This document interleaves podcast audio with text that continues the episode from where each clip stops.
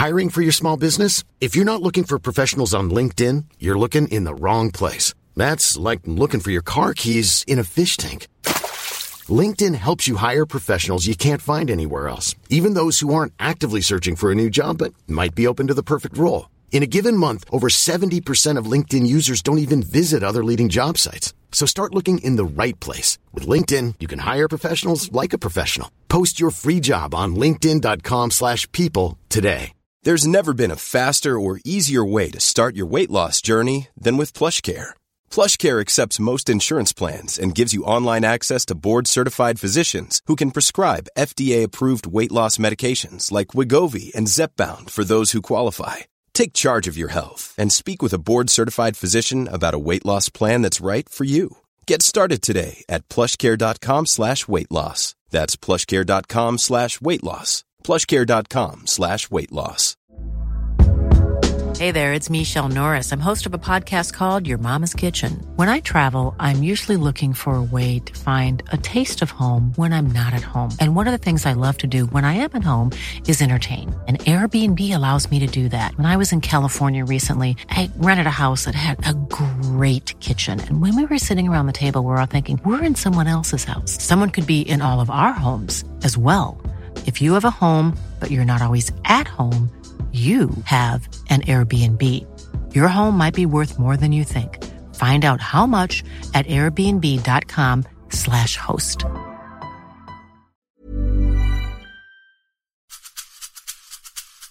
Om man hjälps åt att definiera vad hälsa är på arbetsplatsen, då ser man ganska tydligt så här, ja, vet du vad, det kanske inte är hur många som kör intervaller på onsdagar som är det som definierar vår hälsa, utan det är hur många är det som lämnar oss för att de känner att de inte får ihop det. Jag brukar prata om att bära sin stress på en post-it-lapp. Det finns vissa saker som jag bär, liksom, nu lägger jag handen på hjärtat, det bär jag här. Det är mina nära och kära och relationer och liv. Men sånt som händer på jobbet, typ tjafs, omorganisationer, det kör ihop sig, en kund blev sur. Det tänker jag inte bära i mitt hjärta, det tänker jag bära på en post-it-lapp.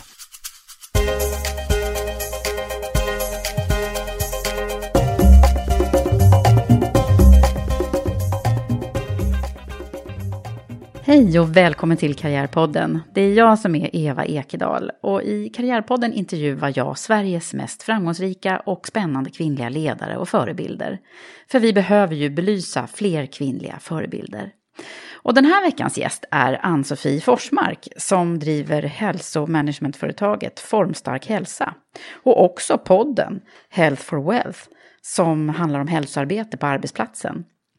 Ann-Sofie är utbildad hälsocoach och civilekonom. Hon har jobbat som både revisor och ekonomiansvarig, bland annat på det stora konsultföretaget PWC i många år, innan hon blev deras hälsostrateg, en roll som hon själv initierade och skapade. Ann-Sofie brinner för hållbar hälsa och prestation, långt ifrån gröna smoothies och quick fixes. Så det här blir det första avsnittet i en liten miniserie där jag kommer att träffa olika profiler som är starka inom hälsoområdet. Och vi kommer att lägga lite extra krut på att fokusera och diskutera hälsa och karriär från olika synvinklar. Det låter väl som en bra idé, som ligger i tiden tycker jag. Hoppas ni också gillar det. Men nu så, nu kör vi!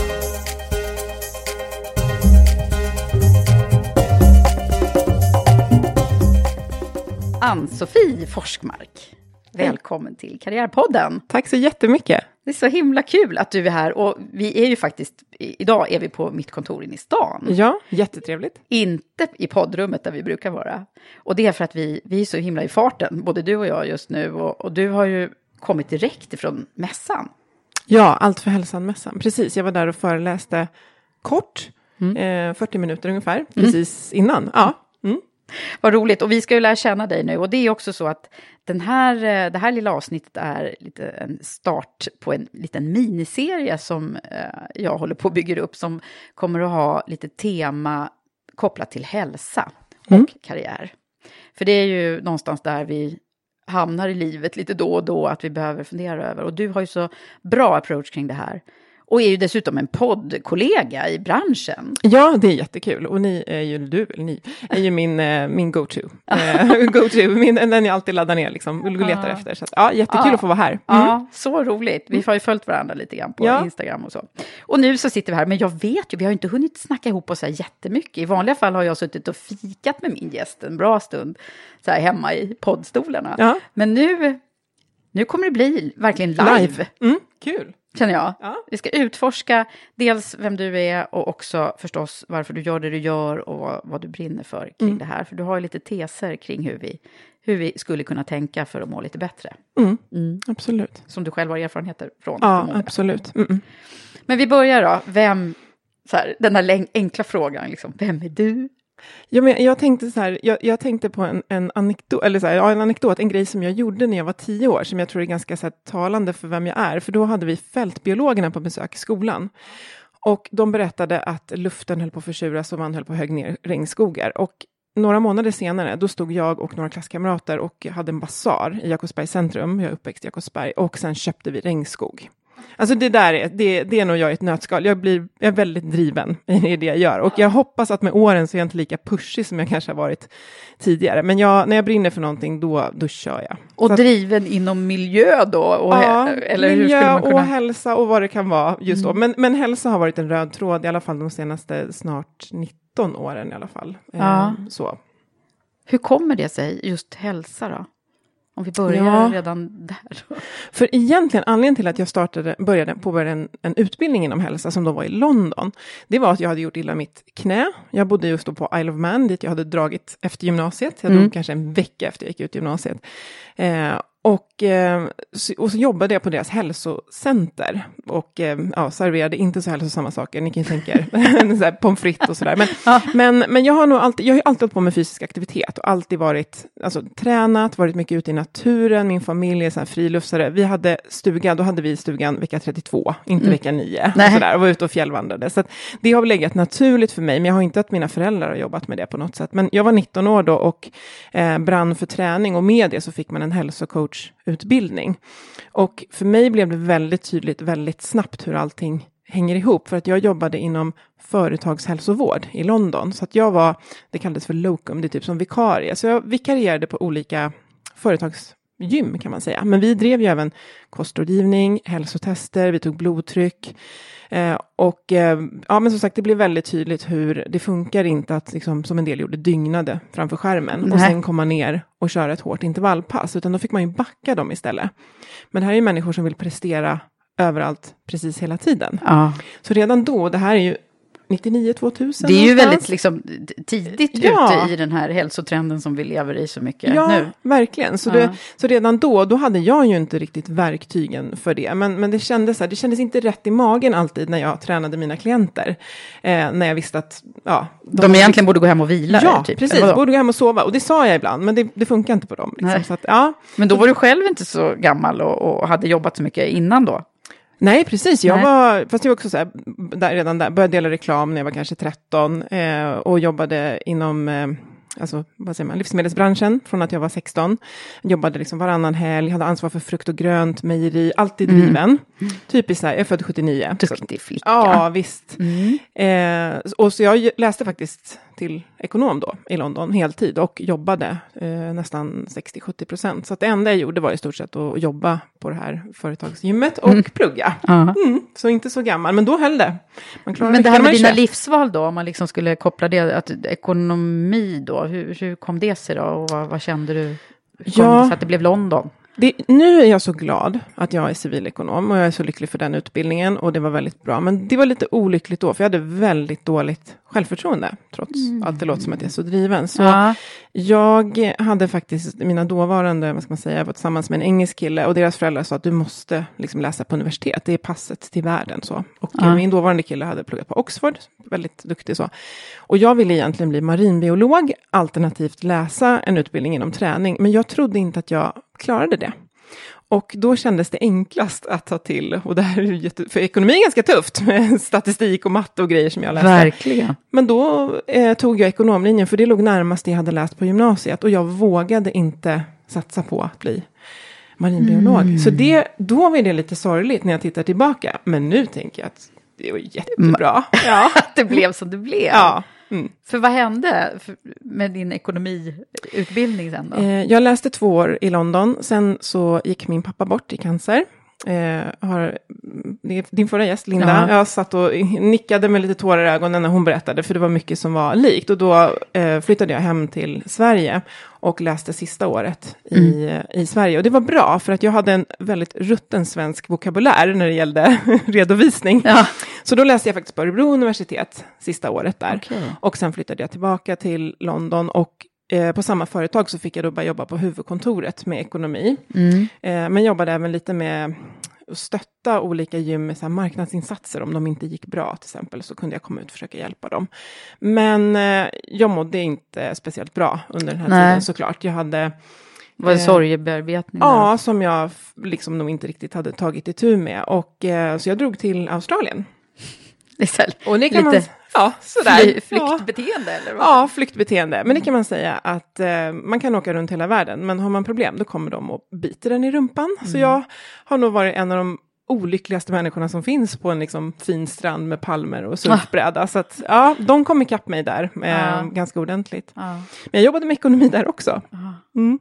Eh, hade hand om eh, redovisningen på ett säkerhetsföretag och så jobbade jag som massör. Så att hälsa och ekonomi, Hälsa och ekonomi ja, har- har, gått hand i hand ja. i olika former under ja, nu 18 år. Då. Mm. Ja, väldigt många år.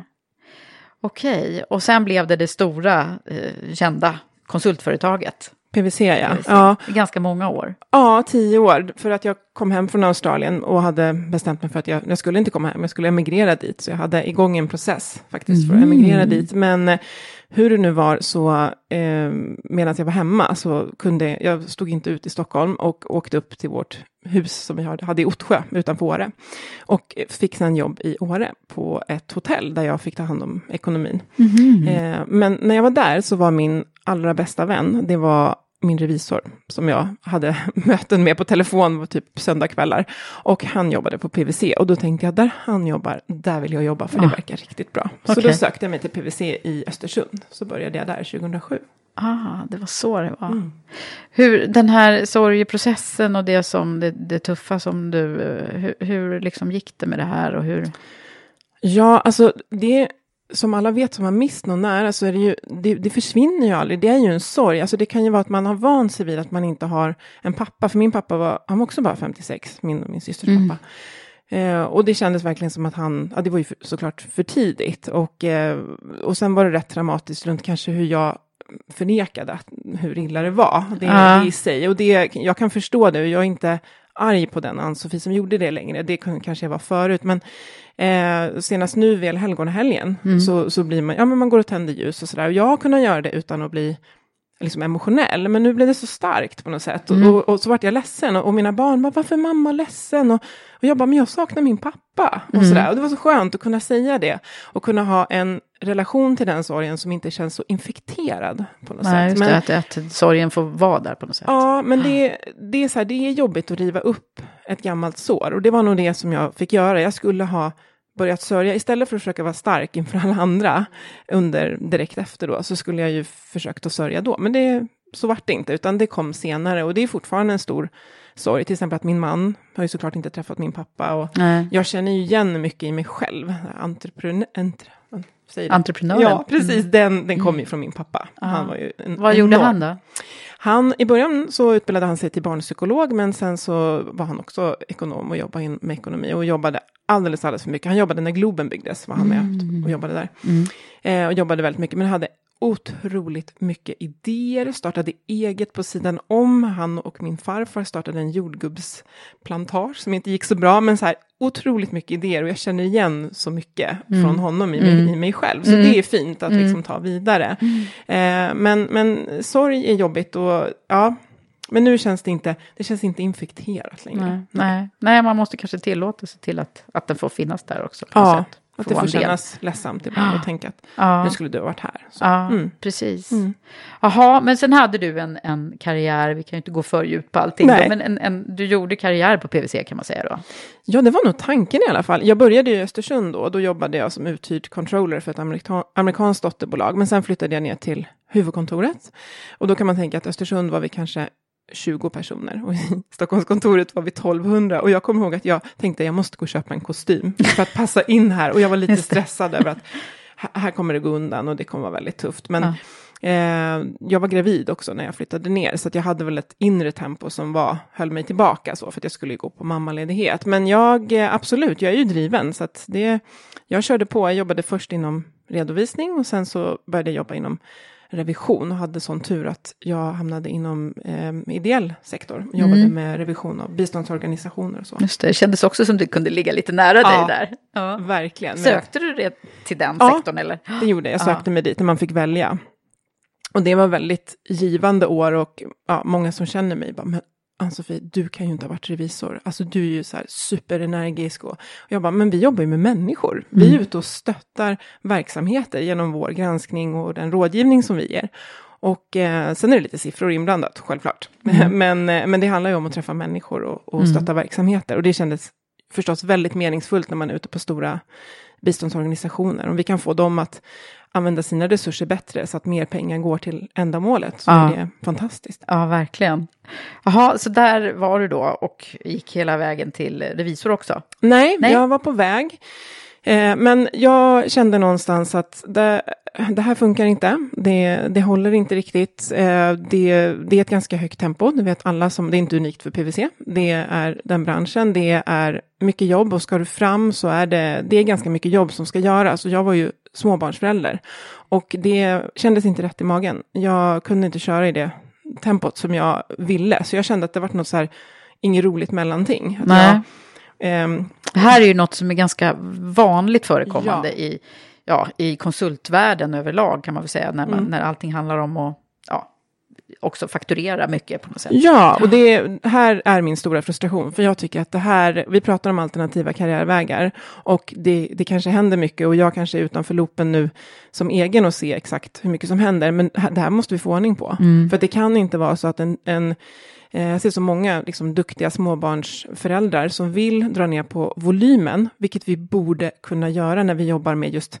uppdrag i olika antal eh, och som har en enorm kompetens som känner bara att jag pallar inte, det går inte. Det mm. måste gå att skala upp och skala ner och vi levererar ju, om inte bättre kvalitet, när vi liksom tar det lite lugnare. Men jag kände att så här, nej, men jag jobbade 75 procent tror jag och så där och kände bara att jag slets liksom. Det blev inte bra på något nej. håll så där. Och samtidigt så var det så att jag fick mycket frågor som hade med hälsa att göra också. Och eh, till slut kände jag så här, nej men jag vill jobba med hälsa på heltid, men jag vill vara kvar på PVC.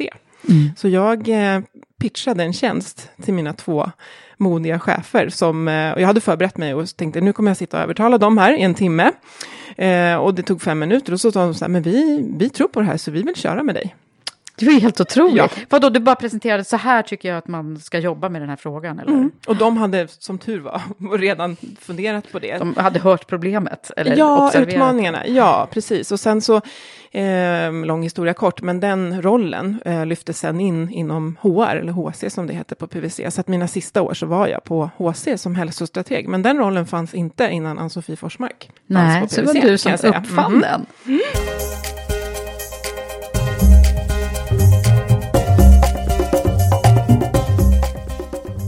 Hälsostrateg, är det... Eh, vet du, finns det flera som har eh, hälsostrateger på de stora oh ja. bolagen? -uh. Ja, det är liksom en titel. Ja, absolut. Sen vad vi lägger i det tror jag är olika. Ja. Vad vi, för jag pratar mer och mer nu om hälsomanagement, för att jag tänker mer ur ett managementperspektiv. Liksom, Men hälsostrateger finns det väldigt många och det är nu väldigt vanligt på stora bolag att man har någon, ofta inom HR, som har rollen som hälsostrateg. Eh, med olika mandat och, och, olika bakgrund, absolut. Ja. Mm. Så du uppfann den där då, och vad, vad hände då, då? Vad gjorde du för någonting som, som hälsostrateg? Ja, jag försökte driva frågan på Ah, så många fronter jag kunde. Men, men mycket handlar ju om att, att titta på hur det kan bli en del av affärsplanen. Att, att ta hand om medarbetarna och ge förutsättningar och ta hand om ledarskapet så att det stöttar vår affär och ser den här tydliga kopplingen. Och, eh, om man tittar på konsultorganisationer, det är inte så svårt att lyfta upp deras visioner och se att ja, för att, för att vi ska leva den här så behöver vi faktiskt ta hand om varandra. Så vi måste må fysiskt bra, men vi måste ha vårt det här kassam på plats. Alltså vilja, kunna och klara av. Och det är det som är hälsa inom organisationer. Och det är bottom line. Det är jätteviktigt. Mm. Vad hände med organisationen? Kunde du, har du några exempel på hur, Ja, hur du blev bemött när du kom ut eh, internt? Då? Ja, men alla brinner ju för frågan. Så, och, eh, så det var inte svårt att liksom få. Däremot så är det så att tåget går väldigt fort och, och det är ju fortfarande en konsultverksamhet. Liksom, så det gäller ju att ta hand om sin hållbarhet i konsultrollen eh, och stötta med det. Och, och, och, det finns ju, och nu blir det liksom att vi, vi ska kanske inte heller prata specifikt om, om, om om, om PVC, jag vill lyfta det till, till alla, för att den här utmaningen sitter många med. Men den här föreskriften till exempel som kom 2016 mm. i mars, den hjälpte ju väldigt mycket, för den talar ju om att det här måste vi göra. Just det, och du ska berätta lite om den föreskriften, alla kanske ja, inte... Och den heter organisatorisk och social arbetsmiljö och den lagstadgar liksom för första gången att vi måste arbeta med, alltså vi, vi kallar det inte för psykosocial hälsa, för det låter vad som händer i ditt huvud, mm. utan det här handlar om vad som händer mellan oss på arbetsplatsen. Och organisatoriskt, då pratar vi ju styrning. Mm. Så att det är lagstadgat att vi ska förhindra att arbetsbelastningen leder till ohälsa. Mm. Eh, så vi ska liksom ha, ja, men det här med work-life balance egentligen kommer in i en föreskrift som gäller alla företag. Och det är väldigt många som tycker att det här är lite jobbigt, för det blir lite ska säga, det blir lite fluffigt, men det är det inte. Det är, det är som sagt, det är en lönsamhet. Det är ganska tydligt vad det är som gäller. Jag kommer ihåg faktiskt, jag var vd när den här kom. Ja. Eh, och då fick jag ett sånt papper liksom om mm. att nu gäller det här, nu är det en ny lag. Men man, man var ju lite så här svävande, vad, vad, vad, vad innebär egentligen, ja. vad är det man ska göra som ledare och, eller ja. som organisation? Ja. Det var inte och, helt så här plättlätt att veta vad man behöver tänka på. Nej, nej, precis. Det tror jag många kände. Och de, det var så intressant för Arbetsmiljöverket tog lite tid på sig att komma ut med den handledning som de hade som då var på mm. 90 sidor. För den ska ju liksom vända sig till såväl taxichaufförer som till revisionsbyråer mm. som till oh, förskolor. Ja, mm. visst. Men egentligen så är det, om man sätter folk i ett rum och så pratar man om det här så har alla koll på det och alla håller med och alla tycker att det är viktigt. Och alla ser kopplingen till var, oavsett om det är ett vinstdrivande företag eller inte, så ser man hur viktigt det är. Men vi, vi krånglar gärna till det, vi blir väldigt kortsiktiga eh, och sen hamnar frågan ibland, vilket är ganska vanligt, den mm. hamnar isolerat hos HR eller hos några som brinner för den eller i det systematiska arbetsmiljöarbetet som folk tycker låter så tråkigt så att de bara, bara mm. gäspar. Liksom. Ja.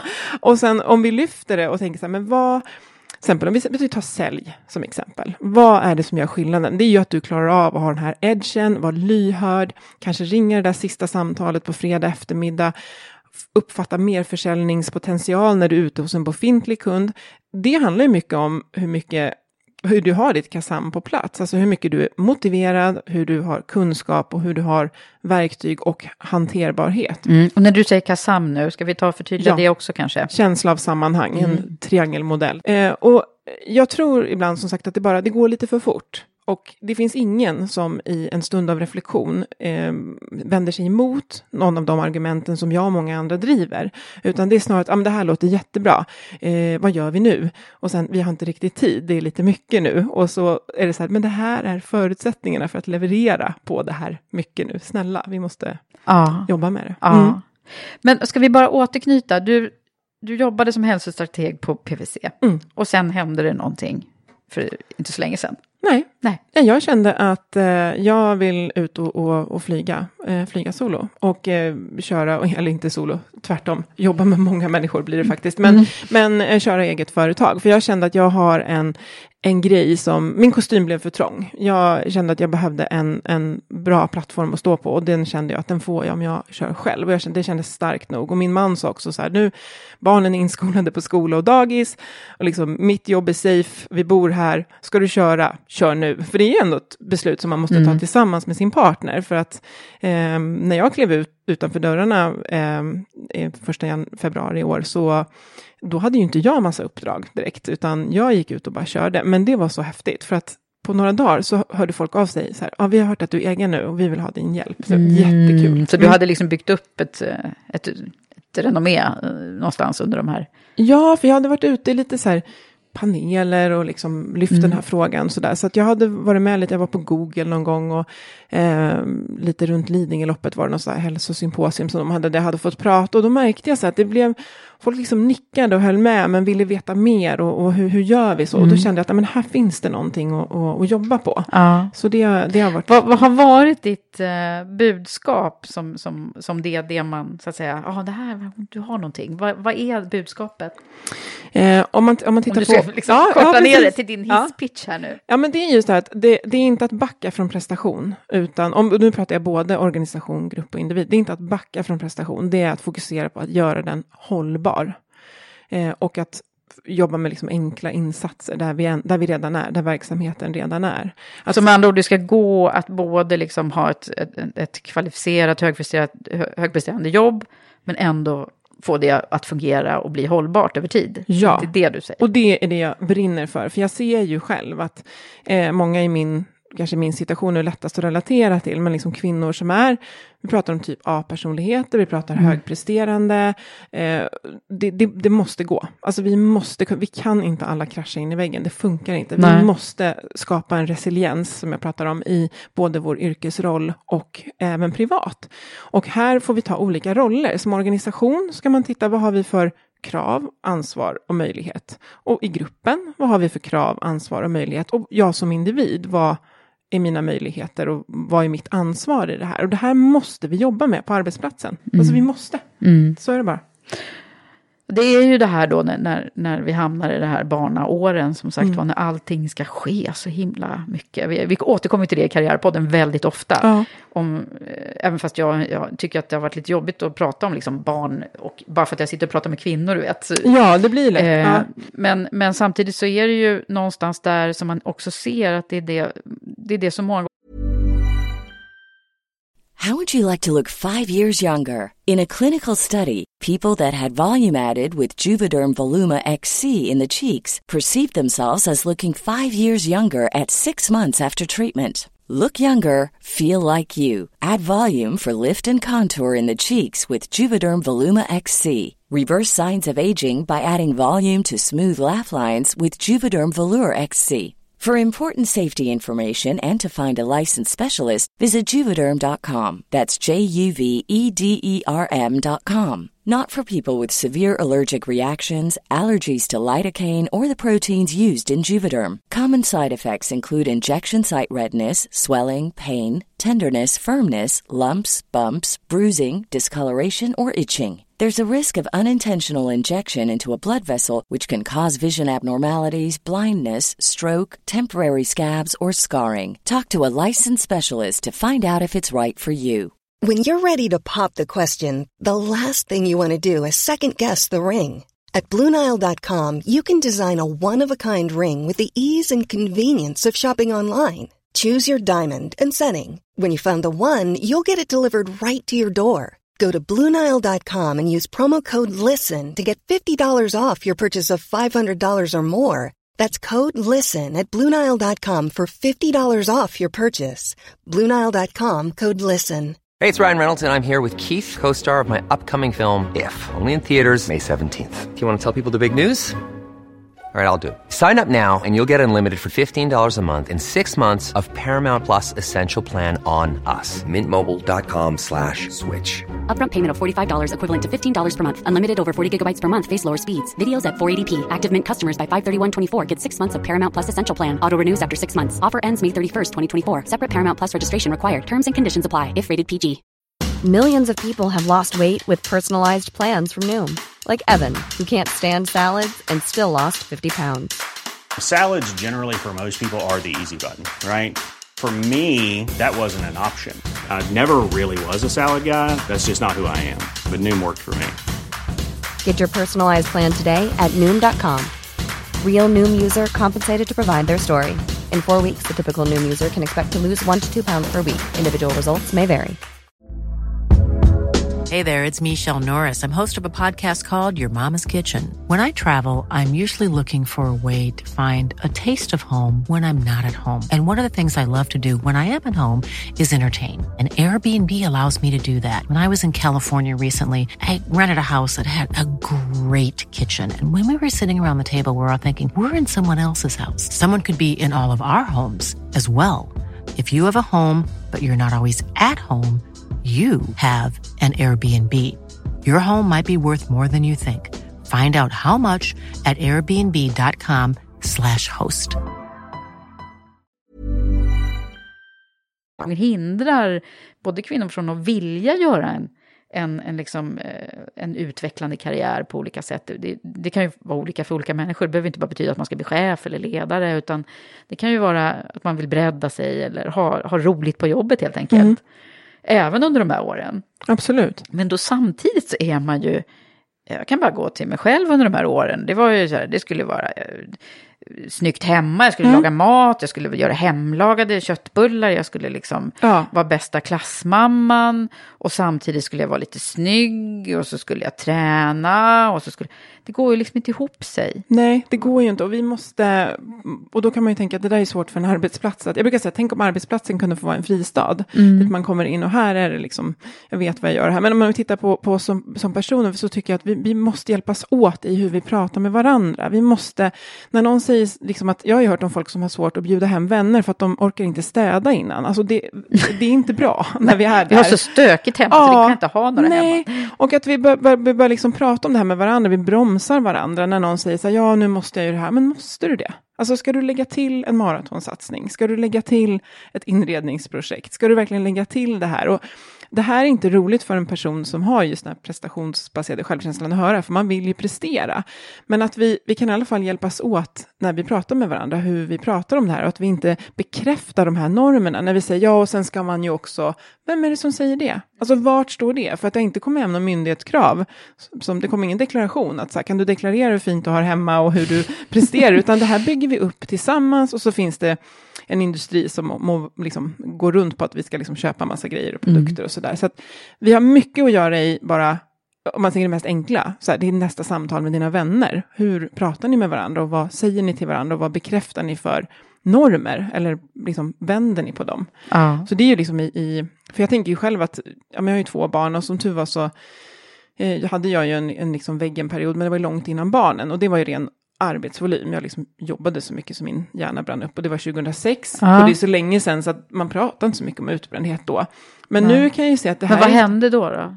Eh, jag, hade väl, jag gjorde väl två roller kan man säga på det här hotellet. Så jag gjorde eh, både redovisningsansvarig och, och lite ekonomichefsjobb. Och det är ganska det är ganska mycket mm. att göra när man, när man är 26 år gammal som jag var då. Och liksom landat från Australien och först inte sett en skattedeklaration förut.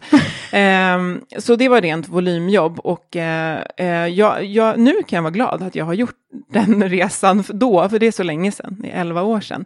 Uh, men jag, och då tänker folk så här, men du, du måste ju ha koll på det här ja, jag är medveten, men jag måste ju jobba med det här också, för jag vill också vara världens bästa mamma och jag vill också ha fint hemma. Mm. Eh, och, men jag får ju liksom, jag kanske har verktygen då i huvudet för att liksom reflektera, stanna upp och liksom backa från det här att nej, jag kan inte vara bäst på det, men jag försöker vara bäst på det här istället. Sådär. Men det, Eh, vi ska ju inte behöva A. Panga in i väggen eller B. Bli liksom 38 år gamla innan vi kommer till den här insikten. Vi måste ju kunna göra det tidigare. Och nu pratas det om många unga tjejer som inte ja. mår bra. Som liksom i 18-årsåldern har en, en liksom prestationsångest som är... Alltså det är hemskt att höra. Så att vi, vi måste göra någonting. Vad ska vi göra då? Men jag tror mycket att alla, som jag säger, aldrig satt människor ner i ett rum och låtit dem reflektera och att man inte har kommit till insikt om det här, utan vi behöver stanna upp och reflektera och fundera på våra båda beteenden, men också hur vi pratar med varandra. Vad delar vi i sociala medier? Och vad tar vi till oss för budskap? Vad köper vi för tidningar? Och vad, vad säger vi till varandra när vi ska ha en middag? Liksom? Alltså mm. att vi börjar liksom sänka, för de här normerna vill ingen ha. Nej. Det är ingen som vill ha dem. Och ur ett arbetsplats... De bara eskalerar ju på något Ja, sätt. och sen eftersom jag ofta, jag är ju mest i liksom arbetsplatsperspektivet, så mm. där, där kan vi ju styra och leda eh, mot beteenden som är hållbara. Vi kan, vi kan faktiskt det. Mm. Och om vi har belöningssystem som är byggda på liksom, volym bara, då, då är det väldigt svårt att som medarbetare stå emot att falla in i det systemet, om vi dessutom gillar att prestera. Mm. Eh, så där handlar det om att vi måste ju faktiskt titta över så liksom, hårda strukturer som belöningsmodeller och vad vi premierar och hur karriärvägar ser ut. Eh, och i ledarskapet så, så handlar det ju om att, eh, ja, men hur, jag, hur jag stöttar mina medarbetare, vad jag liksom frågar efter. Och då måste vi ju rusta våra chefer. Det är jätteviktigt med att rusta cheferna. Ja. Jag bara tänker så här, de organisationer som jag både nyligen och tidigare har, har träffat på så finns det ju det finns ju nästan inga som inte liksom har intäkter och eh, resultatraden på nummer, liksom plats nummer ett. Eh, och jag tänker bara, liksom, det är en väldigt svår ekvation att få det här att, att vända till att tänka hållbart över tid och så. Hur tycker du att de, de liksom tar emot ditt budskap när du är ute? Bra, därför att, eh, och, och sen är det en sak att ta till sig budskapet och agera. För vi har, man säger så här, det finns så mycket kunskap eh, att tillgå där vi ser vad det är som leder till produktivitet, trivsel. Och som det är nu i högkonjunktur, det är krig om talangerna och vi vill inte att folk ska säga upp sig, då är det här en, då är det en lönsamhetsfråga än mer.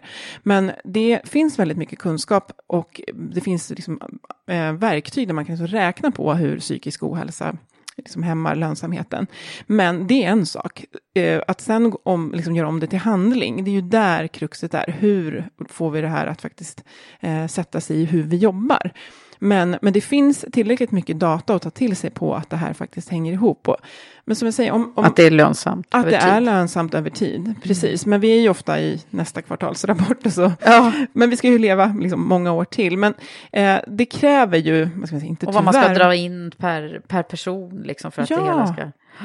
Men om man tittar på vad det faktiskt kostar när folk inte mår bra eller vad en, vad en, eh, en nyrekrytering och en uppsägning kostar. Om man tänker att ja, men kan vi spara in två personer som känner att ja, jag får faktiskt ihop livet här och det upp, jag känner mig hållbar på den här arbetsplatsen. Det kan ju vara miljonbelopp om du pratar om en, om en konsult. Så att, men det är väldigt man måste göra det specifikt för sin, för sin arbetsplats. Nu har vi pratat om konsultorganisationer, ja. det är mm. ganska vanligt, men, mm. men det finns ju andra organisationer som sitter med andra, eh, andra utmaningar. Men vi mm. behöver räkna, för att det är där vi får, mm. som du säger, det är en dörröppnare in till en ledningsgrupp. Om vi mm. kan räkna på det, då kan vi också visa. Ja, att, det är här din kompetens med ekonomi ja. och hälsa går så bra ja, ihop. för att, vi kan ta ett jätteenkelt mm. räkneexempel. Om vi säger att vi har en organisation med chefer som både leder och debiterar, alltså ute och jobbar mm. också. Eh, och sen så upplever personalen att det är otydligt. Man upplever att man har inte fångat upp varningssignaler när Kalle, Kalle eller Kajsa eh, börjar må dåligt. Och så ger vi cheferna mer intern tid då på att eh, bara ta hand om sina medarbetare. De behöver inte bli hälsoexperter, men de får ta tid att ringa runt, fråga Eva, hur känns din vecka? Hur ser det ut? Och följa upp. Eh, och så säger vi att vi sparar in en sjukfrånvaro på det, eller en uppsägning. Och så får man liksom räkna bort vad de skulle ha debiterat de här timmarna. Mm. Alltså oftast går det så, så jäkligt mycket plus på det. Mm. Och det, det var en enkel, ja, enkel ja, ja, precis. Ja. ja, det låter ju väldigt lätt egentligen. Ja, egentligen, egentligen och vi, vi, vi kan inte, vi har inte tid att krångla till det heller, därför att folk har inte tid. Alltså vi får inte mer tid bara för att vi helt plötsligt vill ta hand om, om medarbetarnas hälsa. Men, och sen måste man också det här med att utkristallisera, vad är organisationens ansvar? Alltså vad står vi för i det här? Ja, men vi står för att se till att det är tillräckligt med eh, chefer per medarbetare till exempel. Mm. Eh, vi ser till att vi har liksom en belöningsstruktur och en performance management-process som faktiskt lyfter hållbarhet. Den frågan finns med, att jag frågar dig, men hur tar du hand om in, din hållbarhet? Och sen att stötta våra chefer i att våga prata om hur vi har det.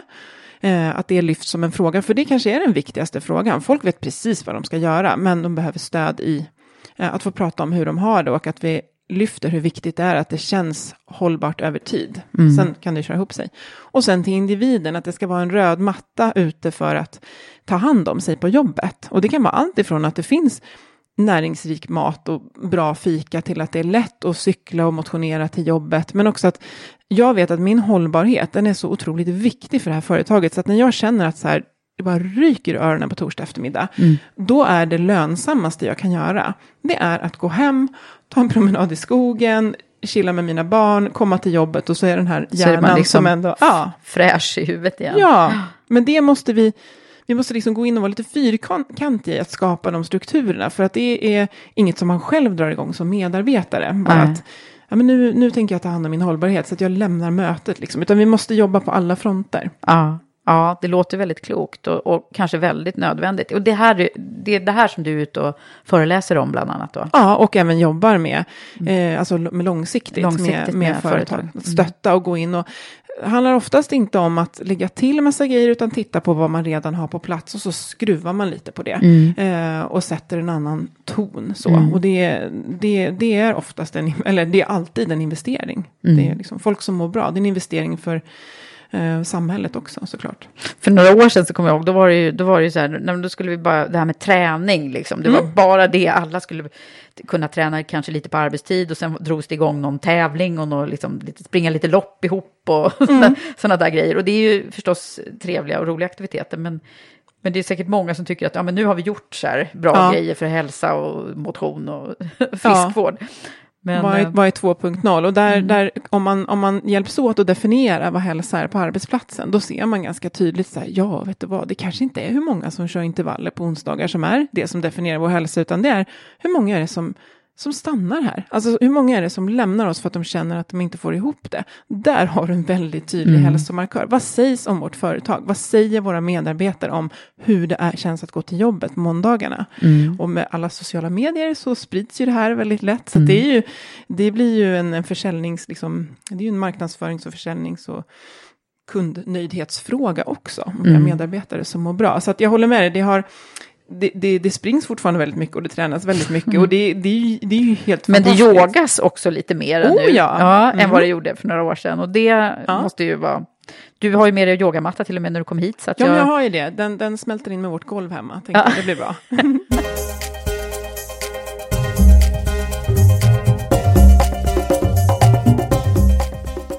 men hur gör du då själv för att, för att må bra i vardagen? Eh, men jag har, jag brukar säga att jag har en, sta, liksom en hög standard på de här basgrejerna. Min, min sömn är liksom, min standard för min sömn det är att jag behöver sova sju och en halv timme och det kommer före allt. Det är så viktigt. Mm. Eh, och så äter jag bra för det mesta. Och sen ser jag alltid till att få till min motion. Och jag har liksom byggt in den i min vardag. Så att jag ska aldrig komma hem och tänka, ja oh, just det, nu har inte jag motionerat. Utan eh, jag har, en, som de flesta, en iPhone och den räknar steg. Eh, och jag vill ha ihop mina 15 000 steg och det löser jag genom att, att, gå. Och då hinner jag också reflektera, landa mellan möten och sådär. Så att jag har, det jag, när jag Du får till 15 000 om dagen alltså? Ja, det är mitt mål. Ja. Men ja. det jag brukar prata, när jag pratar om hälsa till individen, det är ju så att du måste bygga in det där livet sker. Det kan inte handla om, att liksom, om du bor norrort, att åka till söder tre gånger i veckan för att få någonting gjort. Utan vart sker ditt liv? Där ska också hälsan ske, för den ska ju stötta din vardag. Mm. handlar inte om att åka till liksom, flyga någonstans långt bort en vecka och komma tillbaka, utan så här, börja här. Kan mm. det handla om att gå och lägga sig en kvart tidigare, eh, inte ta med sig telefonen in, kan det vara att skruva på lite grönsaksintag, ja men det måste ja. vara lätt, men som sagt, vi har en hel industri som inte vill att vi ska tro att det är gratis och enkelt. För då, då det, det, det, är ju lätt att få, liksom, eh, det känner jag genast när du pratar om det här, jag bara, aha, 15 000 steg, det är, jag strävar efter det men jag lyckas väldigt sällan komma upp i 10 000. Ja. Men, eh, men, eh, nej, men, och då känner jag direkt att då får jag lite prestationsångest över att oj vad duktig du är som ja, men klarar det, det här. Tokigt. Mm. Man är, vi är ju lite skapta så på något sätt, ja. att, att vi Jämföra. också vill vara ja, jämföras med varandra. Och mm. hur, hur, resonerar du kring det där? Då? Vad, ska, vad ska man göra när man känner sig liksom dålig? Och så blir det i sig ett, ett prestations, en stressnivå till liksom egentligen. Att mm. oj, jag hinner inte till gymmet. Nej, och där handlar det ju om att stanna upp och reflektera. För det finns ingen som du ställer så höga krav på som dig själv. Om du skulle berätta allt som du kräver av dig själv, då skulle jag ju bara, men det där är ju helt omöjligt. Utan att man just backar till så här, vad är det, varför är min hälsa viktig för mig? Ja, men det är det här och det här. Och vad kräver den då? Den kräver kanske inte 15 000 steg i ditt fall, eller den kanske blir det några dagar i veckan. Mm. Men att man, det kräver reflektion, det kräver att stanna upp, för vi är ju liksom programmerade på att vilja ja, vi som gillar att prestera, mm. vi får, måste förstå att vi kommer hela tiden vilja bräcka eller jämföra eller vara lika bra. Så där måste vi liksom nästan har något litet liksom, varningsklocka som ringer och så stanna upp och tänka så här, vänta nu, nu försöker jag alltså ta in hennes krav på mig. Och sen möter du någon person efter mig som berättar om någon grön smoothie som de gör varje dag. Då mm. plockar mm. du på dig det också. så vi plockar ju gärna på oss alla krav från mm. precis alla vi möter. Och filtret och broms, bromsen för det här, det är reflektion. Det är att stanna upp och reflektera. Vad är mina hållbara liksom, vanor som jag behöver för att, för att jag ska må bra.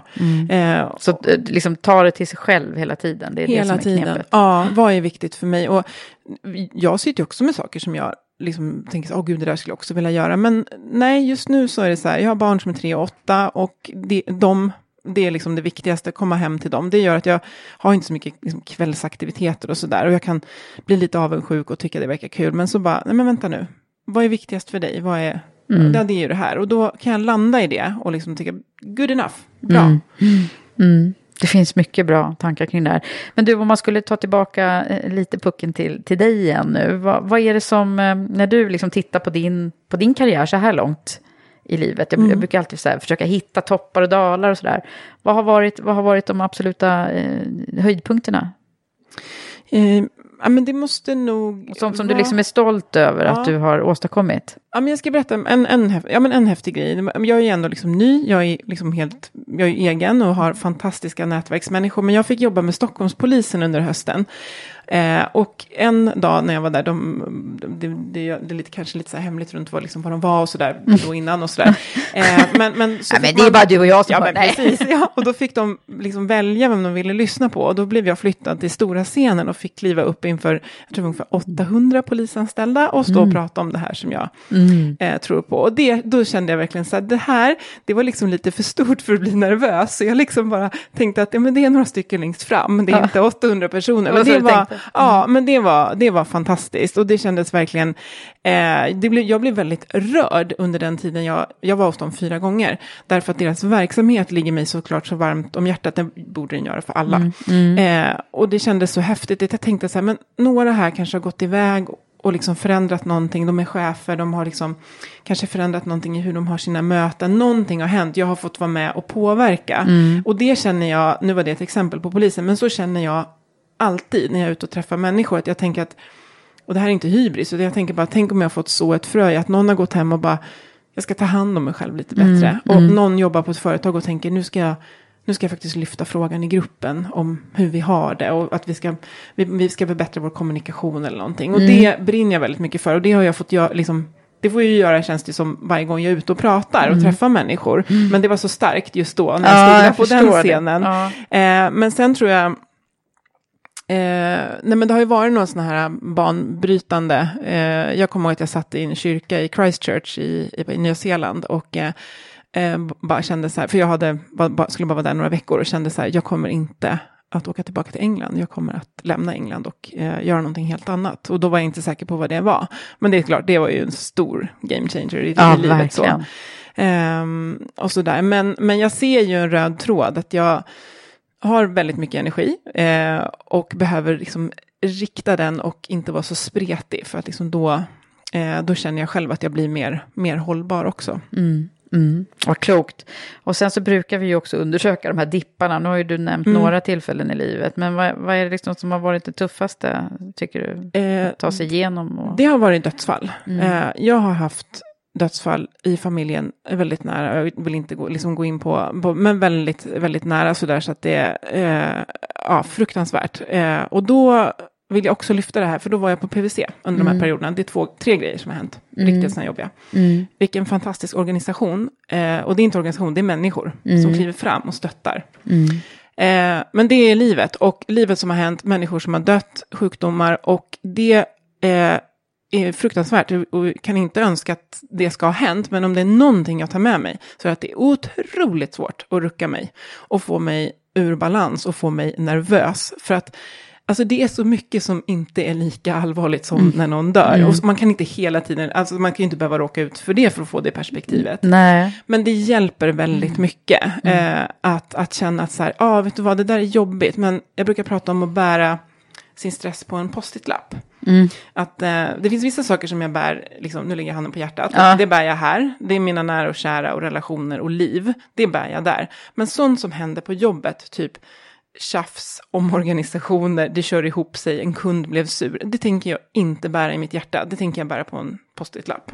Och den distinktionen, eh, nu blir det som, en, det som en liten övning, men det gör väldigt mycket. Att jag tar inte med mig det där. Nej, liksom. Man tar det inte hela vägen in. Liksom. Nej, eh, så det har stärkt mig. Men det har varit, det är klart, det är fruktansvärda saker som har hänt och det har varit jätte, jättejobbigt. Så att, Och det är klart att det fortfarande påverkar. Men, det, Eh, men det är ju liksom Mm. sånt som också, ja, det är ju så märkligt det där med att det, att det är de tunga stunderna som på något sätt också kan ge en de här perspektiven som man behöver för att, Ja. ja, nu jobbar du med de här frågorna Ja. som du gör. Och, alltså det leder oss på något sätt. Eh, jag vet inte om du har följt alla avsnitt i Karriärpodden, men jag berättar ju ibland om min svåra sjukdomstid. jo, men det och, Ja. och det var ju då jag fick idén till Karriärpodden till exempel. Mm. Så att, eh, för då tänkte jag, vad skulle, vad skulle mitt syfte liksom, Ja. med livet och så. Så jag har ju på något sätt fått ihop min karriär med egentligen det jag har gjort hela livet. Men med Ja. ett, ett annat syfte, nämligen att kan jag hjälpa andra att komma till rätta med vad de vill och bli inspirerade och Ja. lyfta förebilder. Så har ju det liksom, ja, Ja. det är oftast, alltså det är märkligt det där, men ju Ja. mer jag pratar med folk så är det ju oftast de där Ja. liksom lågpunkterna i livet som, som tar oss vidare på olika sätt. Ja, det är det. Och det, du, du gör ju det så fantastiskt. Den är ju så otroligt inspirerande, podden. Och det, det, är, så här, det är både gåshud och så här, det pirrar när man lyssnar för att man blir så inspirerad. Men det är som du säger, det, och vi, har det inte hänt något allvarligt så, så här, det kommer, alltså det är Ja. tyvärr, vi, Ja. vi kommer alla beröras. Och eh, eh, det, det är ju, det är ju det, det låter ju konstigt att säga att det berikar, men om man kan hämta någonting ur det som liksom gör att de här kristallklara perspektiven, det pratade Linda om också, den här kristallklara, vad är det som är viktigt? Eh, att jag kan känna att jag varit så nära det så många gånger, så att det är, det, är, det är lätt att lyfta upp det. Att så här, men vad är det som är viktigt just nu? Eh, och det gör nog också att den här, för det är många som säger, men är det inte nervöst att vara egenföretagare? Alltså, herregud, det här är ju så lyxiga problem så det finns inte. jag får liksom vara lite så här fundersam på vad intäkterna ska komma från om ett halvår. Men Ja. alltså det- i jämförelse med Det annat. löser sig. Ja, det löser sig. Och det betyder inte att man inte liksom tar det som en, en, en utmaning. Men, Nej. men det, jag, jag bär inte det i magen och hjärtat. Nej, det är post-it-lappen. Det är Gud vad post-it-lappen. bra det där var! det är jättebra. Ja, men du, jag tänkte innan vi, innan vi avrundar helt så, du har ju gett oss massor med, det där var ett jättebra tips, men har du flera grejer som du känner så här som du vill skicka med till de som lyssnar nu? Ja, Kring för jag det tänk, du ja. brinner så mycket för? Nej, men just det här att stanna upp och säga, varför är det viktigt för mig att må bra? Alltså varför är det viktigt att må bra? Och sen den här frågan som är lite jobbig. Är jag hållbar just nu? Är min arbetssituation hållbar? Därför att, som du också vet, det blir aldrig mindre att göra. Så att går man och tänker så här, jo, det har varit lite mycket nu, så att därför har jag bortprioriterat träffa mina vänner till exempel, som är super, super viktigt. Och garva med sina kompisar, så viktigt. Eh, för, att, för att jag tänkte att det blir lugnare sen. Nej. Utan lyft upp det här med relationer, ta hand om din återhämtning på det sättet som passar dig. För det är också en sak som vi måste. Vad är återhämtning? För det, det måste vi definiera för oss själva. När känner jag mig återhämtad? Just det, det behöver inte vara samma för alla, att gå hem och lägga sig eller ut och springa i skogen, för det behöver det inte vara. Absolut inte. Nej, det kan vara att, att greja hemma och sy kläder eller vad det kan vara. Men Ja. vad är din återhämtning och hur får du till den? Och lyft upp det här, därför att det kommer aldrig bli tid för det. Du måste liksom brotta in det i kalendern. Och hjälp varandra. Alltså när någon pratar om allting de måste, som man ska, eh, fråga var det kommer ifrån och säg så här, måste det verkligen vara så? Kan vi inte bara liksom hänga utan de här på, på Ja. kraven? Eh, men... eh, Och att, att liksom säga det till sina kompisar, jaha, men varför gör du det då? Eller måste du det? Ja, måste du städa innan vi kommer? Strunta Ja. i det. Så här, Vi tar och hämtar pizza liksom. Eller det finns ju bra mat också att hämta. Eh, men vad är hälsa för mig och hur får jag min återhämtning? För krav och trassel och problem, det är that's life. Eh, men hur skapar jag min återhämtning och inte titta på hur andra gör det, utan vad är återhämtning för mig? Och eh, ja, våga bryta de här normerna. Vi kan börja där vi är. Gud vad bra. Vilka bra saker vi har fått i oss här nu. Tack snälla för att du har varit med. Tack själv.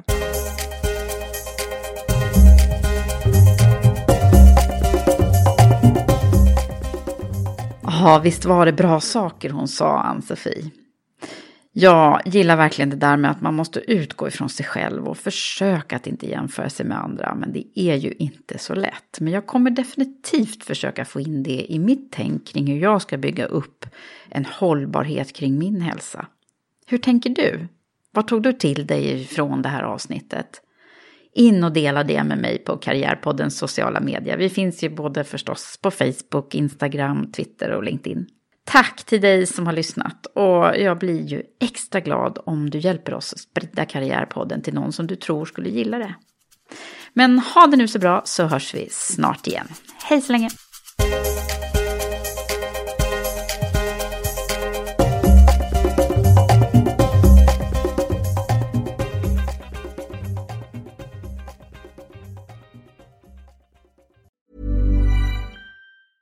Hey, it's Paige DeSorbo from Giggly Squad. High quality fashion without the price tag. Say hello to Quince. I'm snagging high-end essentials like cozy cashmere sweaters, sleek leather jackets, fine jewelry, and so much more. With Quince being 50 to 80% less than similar brands. And they partner with factories that prioritize safe, ethical, and responsible manufacturing. I love that. Luxury quality within reach. Go to quince.com slash style to get free shipping and 365 day returns on your next order. Quince.com slash style. Mom deserves the best, and there's no better place to shop for Mother's Day than Whole Foods Market. They're your destination for unbeatable savings, from premium gifts to show-stopping flowers and irresistible desserts. Start by saving 33% with Prime on all body care and candles. Then get a 15-stem bunch of tulips for just $9.99 each with Prime. Round out Mom's menu with festive rosé, irresistible berry chantilly cake, and more special treats. Come celebrate Mother's Day at Whole Foods Market. When you need mealtime inspiration, it's worth shopping Kroger, where you'll find over 30,000 mouth-watering choices that excite your inner foodie. And no matter what tasty choice you make, you'll enjoy our everyday low prices, plus extra ways to save, like digital coupons worth over $600 each week. You can also save up to $1 off per gallon at the pump with fuel points. More savings and more inspiring flavors make shopping Kroger worth it every time. Kroger, fresh for everyone. Fuel restrictions apply.